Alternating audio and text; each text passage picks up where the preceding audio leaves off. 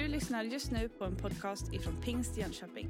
Vi hoppas att denna undervisning kommer att hjälpa dig att växa i din personliga relation med Gud.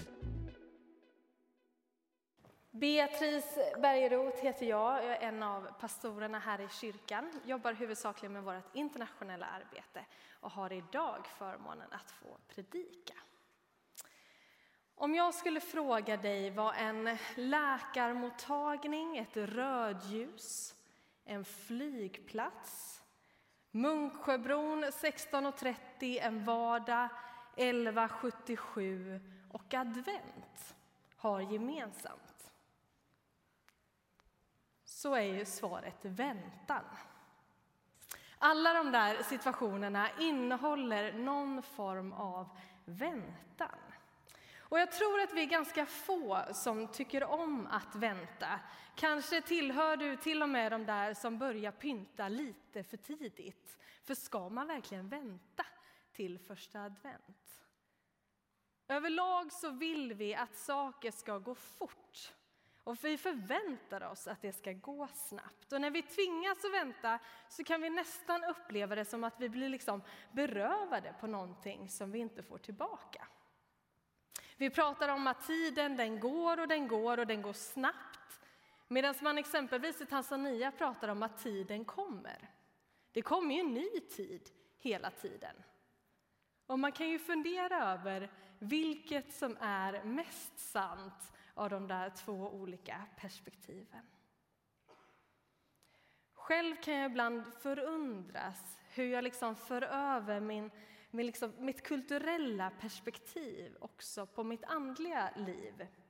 Att precis som jag förväntar mig en snabb effekt av huvudvärkstabletten eller kundservice eller vad det nu kan vara, så kan vi ibland tendera att förvänta oss snabba bönesvar, direkta helanden, eh, ständig seger över beroende. Att det där också ska gå fort och ske på en gång på något sätt. Och den där otåligheten som vi kan uppleva i väntan kan vi också kanske uppleva i vårt andliga liv och den väntan som vi ibland kan erfara där. Samtidigt så kan ju väntan vara en gåva till oss faktiskt och vara med och forma våra liv och forma oss till det bättre på något vis. All väntan är ju inte heller negativ, ska ju sägas. Väntan kan ju vara positiv och innehålla förväntan och tillförsikt och glädje och alla de där sakerna kan också finnas i väntan. Advent betyder ju ankomst och det är också en väntan. En säsong på fyra veckor som på olika sätt förbereder oss att återigen omfamna det här historieskakande när Jesus kom, när Gud blev människa. Och vi läser de här berättelserna och, och, vi försöker förstå situationerna, människorna, leva oss in i den där väntan som de hade på Messias som skulle komma. Och kanske inser vi när vi läser det där att ja, men vi, vi väntar också på något vis. Och min förhoppning är att när julen är här på riktigt, liksom fullt ut, så har den där väntan och förberedelsen gjort det möjligt för oss att kunna famna att allt egentligen ytterst sett handlar om Jesus Kristus. Bibeln rymmer många berättelser som handlar om väntan på olika sätt och lär oss saker från olika perspektiv kring hur det kan vara med väntan, både det jobbiga och glädjen i det där på något vis. Och dagens text som vi ska fokusera på, den hittar vi i Lukas 2 från vers 25. Och personen som vi ska titta lite närmare på idag heter Simeon. Och han beskrivs som en person som väntade.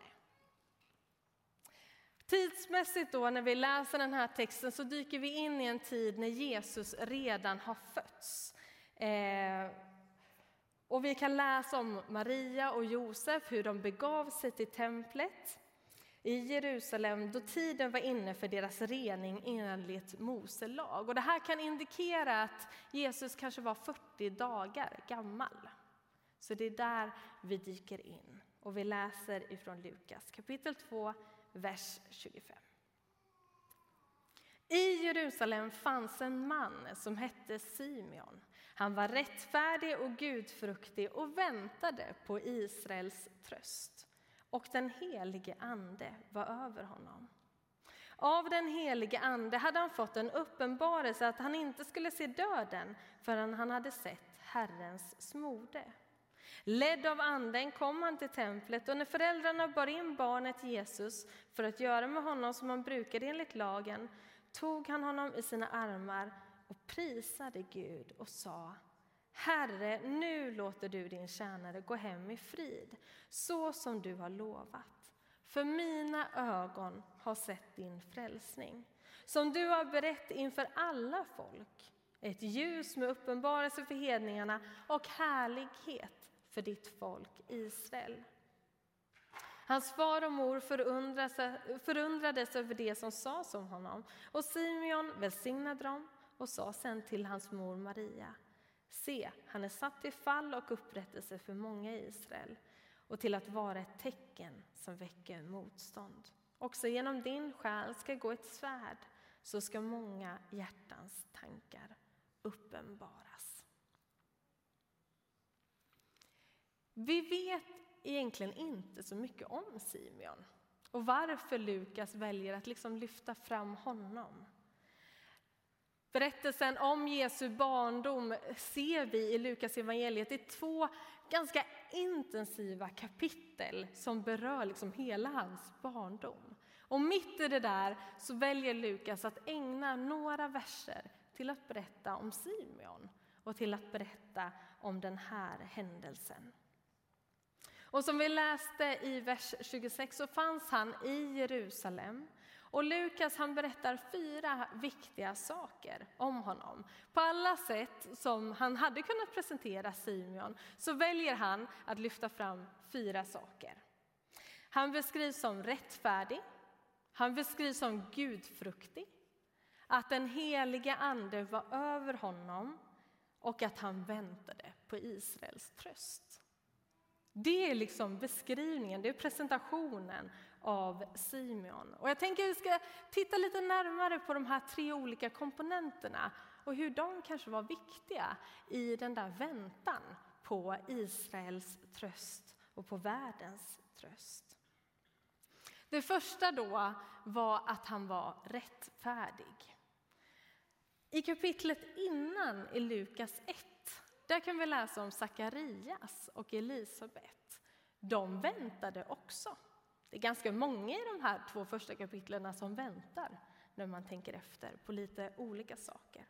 Och vi ska läsa ifrån Lukas 1 och 6.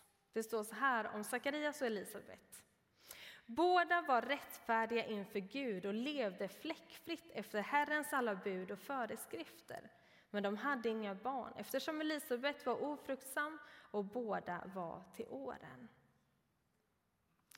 När berättelsen om Simeon inte ger oss så mycket information om vad det innebar att leva ett rättfärdigt liv så säger i alla fall texten om Sakarias och Elisabet något mer kring just detta, för de beskrivs ju på ett liknande sätt. Men vi ser här att både Sakarias och Elisabet var rättfärdiga. De levde enligt buden och föreskrifterna. Och så får vi också veta att de väntade och de längtade efter ett barn. Och båda de här sakerna kan ju vara utmanande. Att veta vad som är rätt och leva efter det, det har sin utmaning. Men också det där att leva under lång tid i väntan och i längtan efter någonting. Det kan också vara utmanande. Och i deras fall så handlade det om ett barn. Jag vet inte om ni har sett de här videoklippen som var populära för ett tag sedan när man filmade sina barn och föräldrar ställde fram en skål med godis framför dem och så sa de att de skulle gå iväg en liten stund men du får inte äta någon godis medan jag är borta. Och så gick föräldrarna iväg och så filmade man de här barnen under tiden de satt där med den här godisskålen framför sig och skulle låta bli då och äta. Och jag vet egentligen inte vad syftet med de här filmerna var, men jag tror ändå att de kan kanske lära oss någonting. Livet är ju fullt av en massa val. Det möter vi hela tiden. Det är stora val och det är mindre val. Och då kan vi ju ställa sig det där, men ska vi lyssna på mamma och pappa? Ska vi göra så som de har sagt? Varför ska vi göra det? Är det egentligen så viktigt? Vad är egentligen fel och varför sa de så där?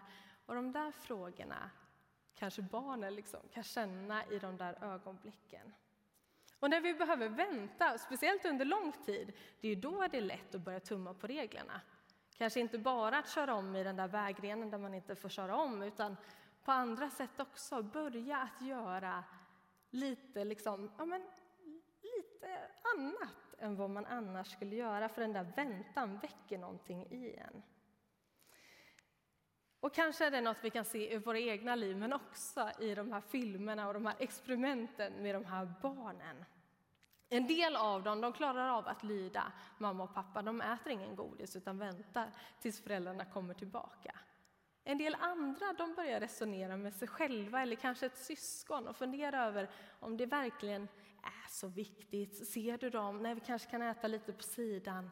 De kanske inte märker. Det är värt det ändå, vi bara kör. Börja liksom att hitta sätt att rättfärdiga beslut som egentligen inte är rätta. Och det där kanske kan hända oss också, att vi tycker att jag har väntat länge nog, alla andra gör det där. Eller är det så viktigt egentligen? Och på olika sätt resonerar vi och motiverar och försöker övertyga oss själva. Och ibland lyckas vi ganska bra med de där argumenten. Man kan också tala om ett rättfärdigt liv utifrån att ja, men det får konsekvenser i hur vi är mot andra. Men jag tänkte inte säga så mycket om det idag, utan jag tänker mera idag ett rättfärdigt liv utifrån ja, men hur ser din och min relation ut till Gud? Och kanske finns det risker att vi ibland försöker rättfärdiga saker i våra liv som faktiskt inte är rättfärdigt. Samtidigt så är Bibeln jättetydlig med att Gud, han är inte som de här föräldrarna. Att han liksom ställer fram en stor skål med frestelser och säger låt bli nu. Han funkar inte på det sättet, tack och lov. Ett rättfärdigt liv i väntan, det är inte en ond och cynisk hinderbana. Där det finns liksom olika hinder som Gud har designat och så får vi minuspoäng om vi faller. Det är inte så Gud fungerar. Utan jag tänker att ett rättfärdigt liv är egentligen precis som alla andra liv. Att det finns hinder, att det finns utmaningar, men med skillnaden att Jesus finns där, mitt i det där livet och hjälper oss att hantera de där hindren på rätt sätt. Jesus han kan alla tips och tricks och hur det funkar. Han vill vara styrkan i vår svaghet och han är med oss alla dagar. Det är det som blir skillnaden i det där rättfärdiga livet, att det blir tillsammans med Jesus själv. Sakarias, Elisabet och Simeon de lär oss att det går att leva ett rättfärdigt liv också i väntan. Och samtidigt så lär oss Sakarias och Elisabet att väntan kan också innebära smärta och saknad och kanske vara svår. Det andra då som nämns om Simeon det är att han är gudfruktig. Och jag tänker att ett liv i väntan det kan ju innebära ovisshet. Att vi väntar och vet inte vad eller när olika saker ska ske. Och vi blir lätt otåliga men kan också kanske uppleva osäkerhet, rädsla och tvivel. Igen då berättelsen med Sakarias och Elisabet. Och kan du inte den så läs gärna den i Lukas 1. Där vi ser hur Sakarias liksom tvivel faktiskt leder till otro och han blir stum under hela Elisabets graviditet. Men hur den berättelsen sen slutar med att han får sin röst tillbaka och han prisar Gud. Och även om det i sig är en, en fantastisk berättelse så finns det en detalj i den som jag tycker också kopplar an till beskrivningen av Simeon och som jag skulle vilja betona. Det är att i vers 6 så står det att de var rättfärdiga inför Herren och i den engelska översättningen att de i Guds ögon var rättfärdiga. Och det här visar för mig vad sann gudsfruktan är, att när vi lever rättfärdiga liv inför Gud så förstår vi också att i Guds ögon, då är vi rättfärdiga. Från Guds perspektiv, när han ser på oss, då ser han någonting annat än vad vi kanske ibland ser själva. Det är som två sidor av samma mynt som också visar någonting om Guds fruktan. Jag tror att vi alla här inne är för gamla för att tro på tomten. Hoppas det på något sätt i alla fall. Men även i jul så väntar vi ju på tomten, eh, en del av oss i alla fall. Och förr så använde ju föräldrar tomten, jag tror inte lika mycket nu, men lite för att disciplinera sina barn. Att är du snäll och sköter dig, då får du en julklapp. Är du olydig, då hamnar du på tomtens lista över olydiga barn och då kanske du inte får någon julklapp utan du missar liksom den chansen. Och det där kunde man liksom ta till. Se till att vara ett snällt barn nu. Eh, men det kunde också leda till någon viss fruktan för tomten, inte bara att han bullrade och såg läskig ut när han kom, utan också har jag liksom levt upp till detta på något sätt? Men tack och lov så är ju Bibelns budskap om Gud inte samma budskap som om tomten. Där det inte handlar om hur vi kan leva så rätt och riktigt i våra liv för att sen bli belönade på något sätt, eller att inte bli belönade, eller att inte få vara med, utan det handlar om någonting annat. Det är inte ett liv i fruktan att vara gudfruktig. Absolut inte. Utan istället skulle jag vilja säga att Guds fruktan handlar mer om tilltron till Gud. Att det handlar om att förtrösta på honom och inse hans betydelse. Men också en tilltro till detta att du faktiskt är rättfärdig i Guds ögon. Ibland tror jag att vi dömer oss själva hårdare än vad Gud dömer oss på något vis. Att vi ser oss med lite andra ögon, men i Guds ögon. När vi har tagit emot Jesus i våra liv, då är vi rättfärdiggjorda. Och när vi väntar, då får vi sätta vår tro till honom och vi får också leva liv inför honom och tillsammans med honom. För som Romarbrevet 2 och 4 lär oss så är det Guds godhet som för oss till omvändelse. Guds godhet. Det finns så mycket rädsla i livet. Vi kan vara rädda för allt möjligt. Vi kan vara rädda att förlora nära och kära. Vi kan vara rädda att förlora trygghet och säkerhet. Fruktan för människor eller situationer. Men Gud, han kommer aldrig använda fruktan eller rädsla för att dra oss till honom. Han kan möta oss i vår fruktan, i vår rädsla och välkomna oss till honom med hans godhet, med hans nåd, men inte med rädsla.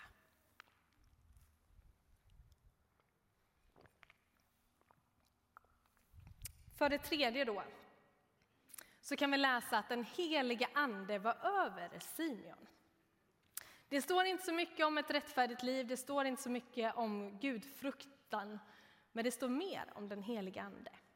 Och det där är ju helt i linje, tänker jag, med Bibelns budskap, att det handlar mera om Gud. Det handlar mer om den helige Ande, vad Gud vill göra i världen, än vad det handlar om hur vi lever våra liv. Det vi kan läsa här i Lukas berättelse är att den helige Ande var över Simeon. Det betyder att han, var, eh, att han verkade i hans liv.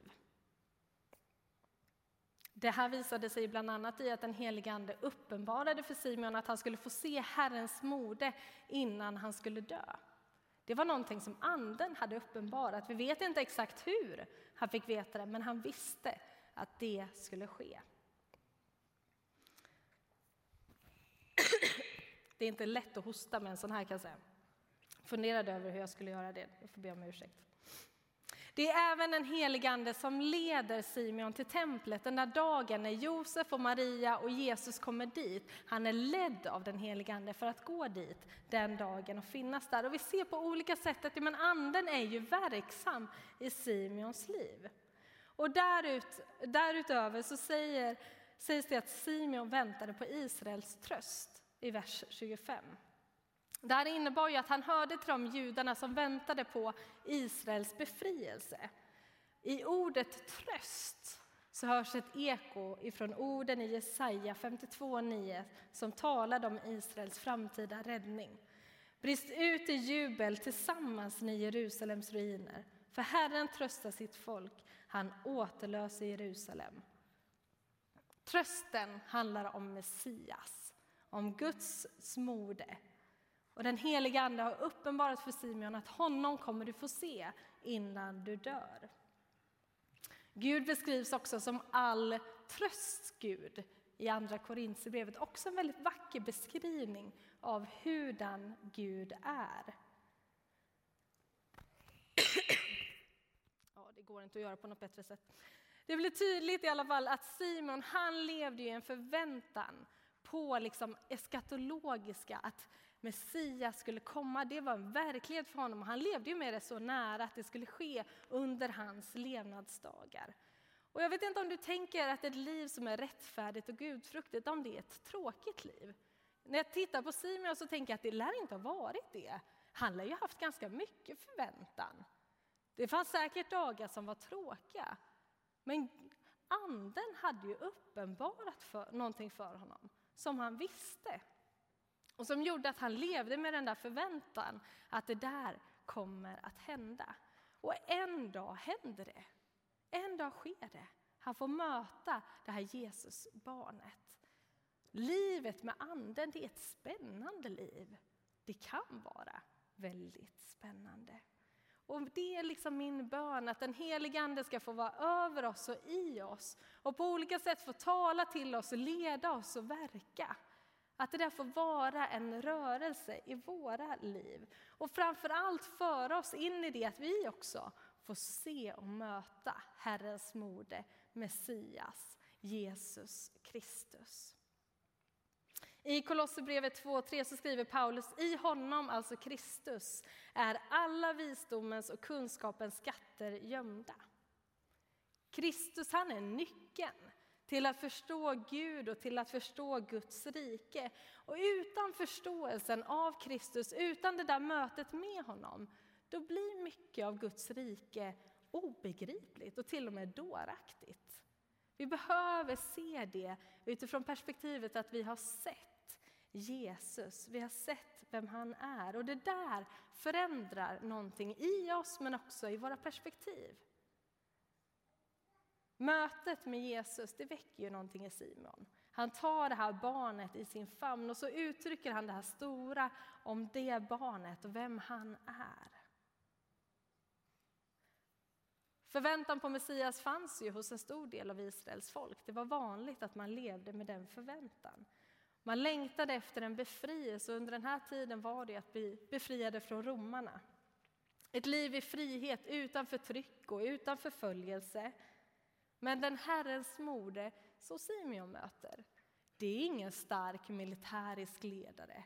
Det är ingen inflytelserik politisk person, det är ingen stor tänkare respekterad av många, utan det är en 40 dagars bebis. Det är liksom den Messias, befriaren, som man väntar på. Och Det där tycker jag också är värt att notera att Gud använder ganska ofta det där sköra och oväntade i att faktiskt också visa sin storhet och sin makt. Jesus, han är fantastisk. Det finns ingen som Jesus. Det finns ingen lik honom. När jag växte upp så firade vi jul varje, varje jul tillsammans med min mormor och morfar. Och några av er har säkert hört mig berätta detta, för jag brukar berätta om min morfar. Jag tyckte väldigt mycket om honom. Men han läste varje jul julevangeliet för oss. Det var traditionen. Vi delade inte ut några julklappar innan vi hade läst julevangeliet. Och det blev nästan lite komiskt varje år, för när han kom till den här passagen när det står om änglarna som tillbad Gud, då började han alltid darra på rösten och bli berörd. Så att vi brukar titta på varandra och bara säga, ja, nu kommer det. Är du med? Nu kommer det. Men sen med tiden så började jag reflektera lite kring det där. Min morfar blev över 90 år gammal. Han levde större delen av sitt liv tillsammans med Gud. Men år ut och år in, samma text, så berörde det ändå honom. Så där lite på djupet, att Jesus hade kommit. Vem Jesus var. Tillbedjan, lovprisningen, frälsningen för hela världen. Att det där träffade någonstans fortfarande, efter så många år, samma text. Vad väcks hos dig när du ser på Jesus? Förundran, tacksamhet, glädje? Jag vet inte. När du ser på Jesus, vad berörs du av? Vad väcks inom dig? Låt oss aldrig sluta fascineras över vem Jesus är, att förundras över honom. Jesus blir aldrig liksom någon form av vardagsmat, att det här kan vi ju. Utan Jesus, han är någonting för sig. Och låt det där fortsätta och drabba ditt liv och ditt hjärta. Simeon och även Hanna, som vi läser om strax efter den här texten vi har läst idag, de var båda äldre. Även Sakarias och Elisabet beskrivs som att de var till åren. Den helige Ande var över Simeon, talade till honom, ledde honom. Hanna hon var en 84-årig profet. Hon var alltid i templet, hon tjänade Gud med fastor och böner natt och dag. De två, de ser Jesus. De ser inte bara det här barnet, den här lilla familjen, utan de ser vem Jesus är, världens frälsare.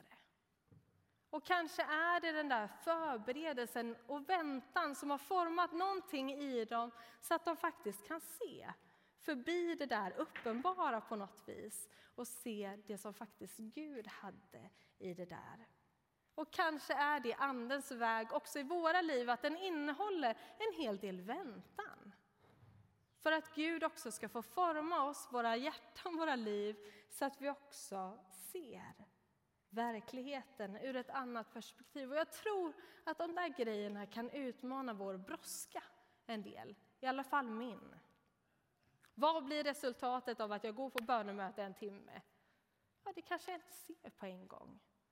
Men hur kan jag få det där som en del i mitt liv, som en självklarhet i mitt liv? Att leva nära Gud, det har inte med ålder att göra, inte alls. Men tydligen så använder Gud här några människor som har levt en längre tid. Och jag vill bara uppmuntra dig, du som finns här inne som skulle säga att du tillhör de äldre. Fortsätt vårda det där. Fortsätt investera i din relation med Jesus. Förvänta dig att den helige Ande vill vara över dig, vill vara verksam i ditt liv, tala till dig, leda dig och använda dig. Det tar inte slut. Och var som Hanna och vänd där i tillbedjan. För vi ser att när Hanna dyker in i berättelsen, då håller Simeon troligtvis fortfarande Jesusbarnet i sin famn. Och det första hon gör när hon ser Jesusbarnet är att hon vänder sig till Gud och tackar och prisar Gud. Det andra hon gör är att hon vänder sig till alla som väntade på Jerusalems befrielse. Hon talar om barnet och vem han är. Vi vet inte vad hon sa. Men jag tänker att hennes agerande bekräftar det Simeon har gett uttryck för men också att vi ser den här rörelsen på något sätt. I att vi ser Jesus, vi förstår vem han är. Det leder till en tacksamhet till Gud och en lovprisning till honom. Men också i en rörelse att det här vill jag berätta om för andra människor. Det här vill jag dela med mig av. Att vi får vara budbärare. Men inte tappa tacksamheten, inte tappa tillbedjan, fascinationen och glädjen men också i att vara budbärare. Avslutningsvis då, så tror jag att väntan är en nödvändig del av vårt andliga liv. Men att vänta som Jesu lärjunge, det är inte en tom väntan. Utan det är en väntan med ett löfte i våra hjärtan som gör att det vi väntar på, det är redan närvarande i våra liv. Det finns där. Vi väntar i advent på Jesu födelse. Vi väntar efter påsk på Andens ankomst. Vi väntar efter Kristi himmelfärd på att han åter ska komma tillbaka i härlighet. Vi väntar alltid. Men det är en väntan som är övertygelsen av att vi redan har sett Guds fotspår i det där. Att vänta på Gud är en aktiv väntan och till och med en glad väntan. Den här och många andra texter i Bibeln talar om glädje, om jubel till och med. Och när vi väntar, då minns vi honom som vi väntar på. Och när vi minns honom tillsammans så tänker jag att det där också skapar en gemenskap som gör oss redo att ta emot honom den dag som han kommer tillbaka. Du har just lyssnat på en podcast ifrån Pingst Jönköping.